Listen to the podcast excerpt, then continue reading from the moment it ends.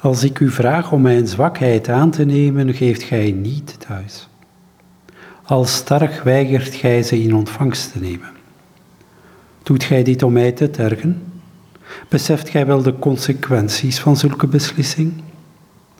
Uitgerekend datgene waarvan ik verlost wil worden, moet ik behouden. Waarom? Hebben de roepers dan toch gelijk dat het u erom te doen is mensen klein te houden? Zwakheid is toch geen cadeau? Ik voel me verwond en gij zegt me dat dit erbij hoort. Ik wil heel worden en gij gunt me dat niet. Ik ben kwaad. Maar wat ben ik met mijn woede als ze u niet raakt? Het is of gij in deze mijn tegenstander zijt. Gij spreekt u zelf tegen.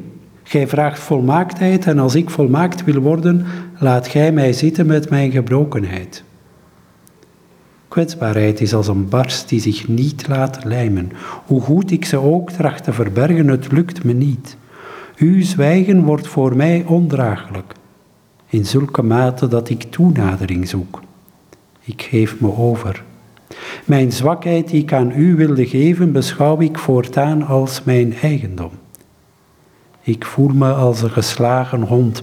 Uw koppigheid heeft het gewonnen van de mijne. Hoe snel hebt gij mijn signaal verstaan? Uw armen strekt gij uit. Gij ziet mijn zwakheid graag, terwijl ik ze liever kwijt ben dan rijk. Gij leent me uw liefde voor gebrokenheid. Ik mag ze houden een leven lang. Wat onaf is in mij, werkt als een magneet op u. Gij kunt het niet laten om lief te hebben wat kwetsbaar is. Gij leert me de praktijk van wie gij zijt. Met mondjesmaat neem ik die over. Ik moet hierbij een Edith Stein denken, die haar grote vraag was op een gegeven moment van empathie. Bestaat het bij God? Ik vind het een heel mooi woord om bij God te zetten. die, omdat empathie wil zeggen van het echt ten diepste bewogen worden. Dat is eigenlijk de diepere betekenis van empathie. Pathos zit erin, dus wordt tot in uw gemoed eigenlijk bewogen. En die bewogenheid, dat is een grote getuigenis van liefde die erin zit.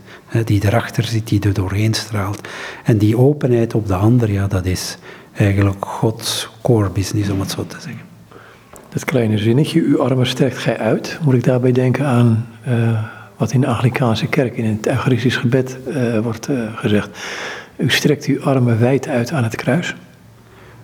Deed mij ook, wanneer ik het nu las, denken aan de gekruisigde. Hè? Zo van, de, de, de armen van God zijn uitgestrekt, verlangend naar eigenlijk contact, naar ontmoeting, naar mag ik mezelf zijn.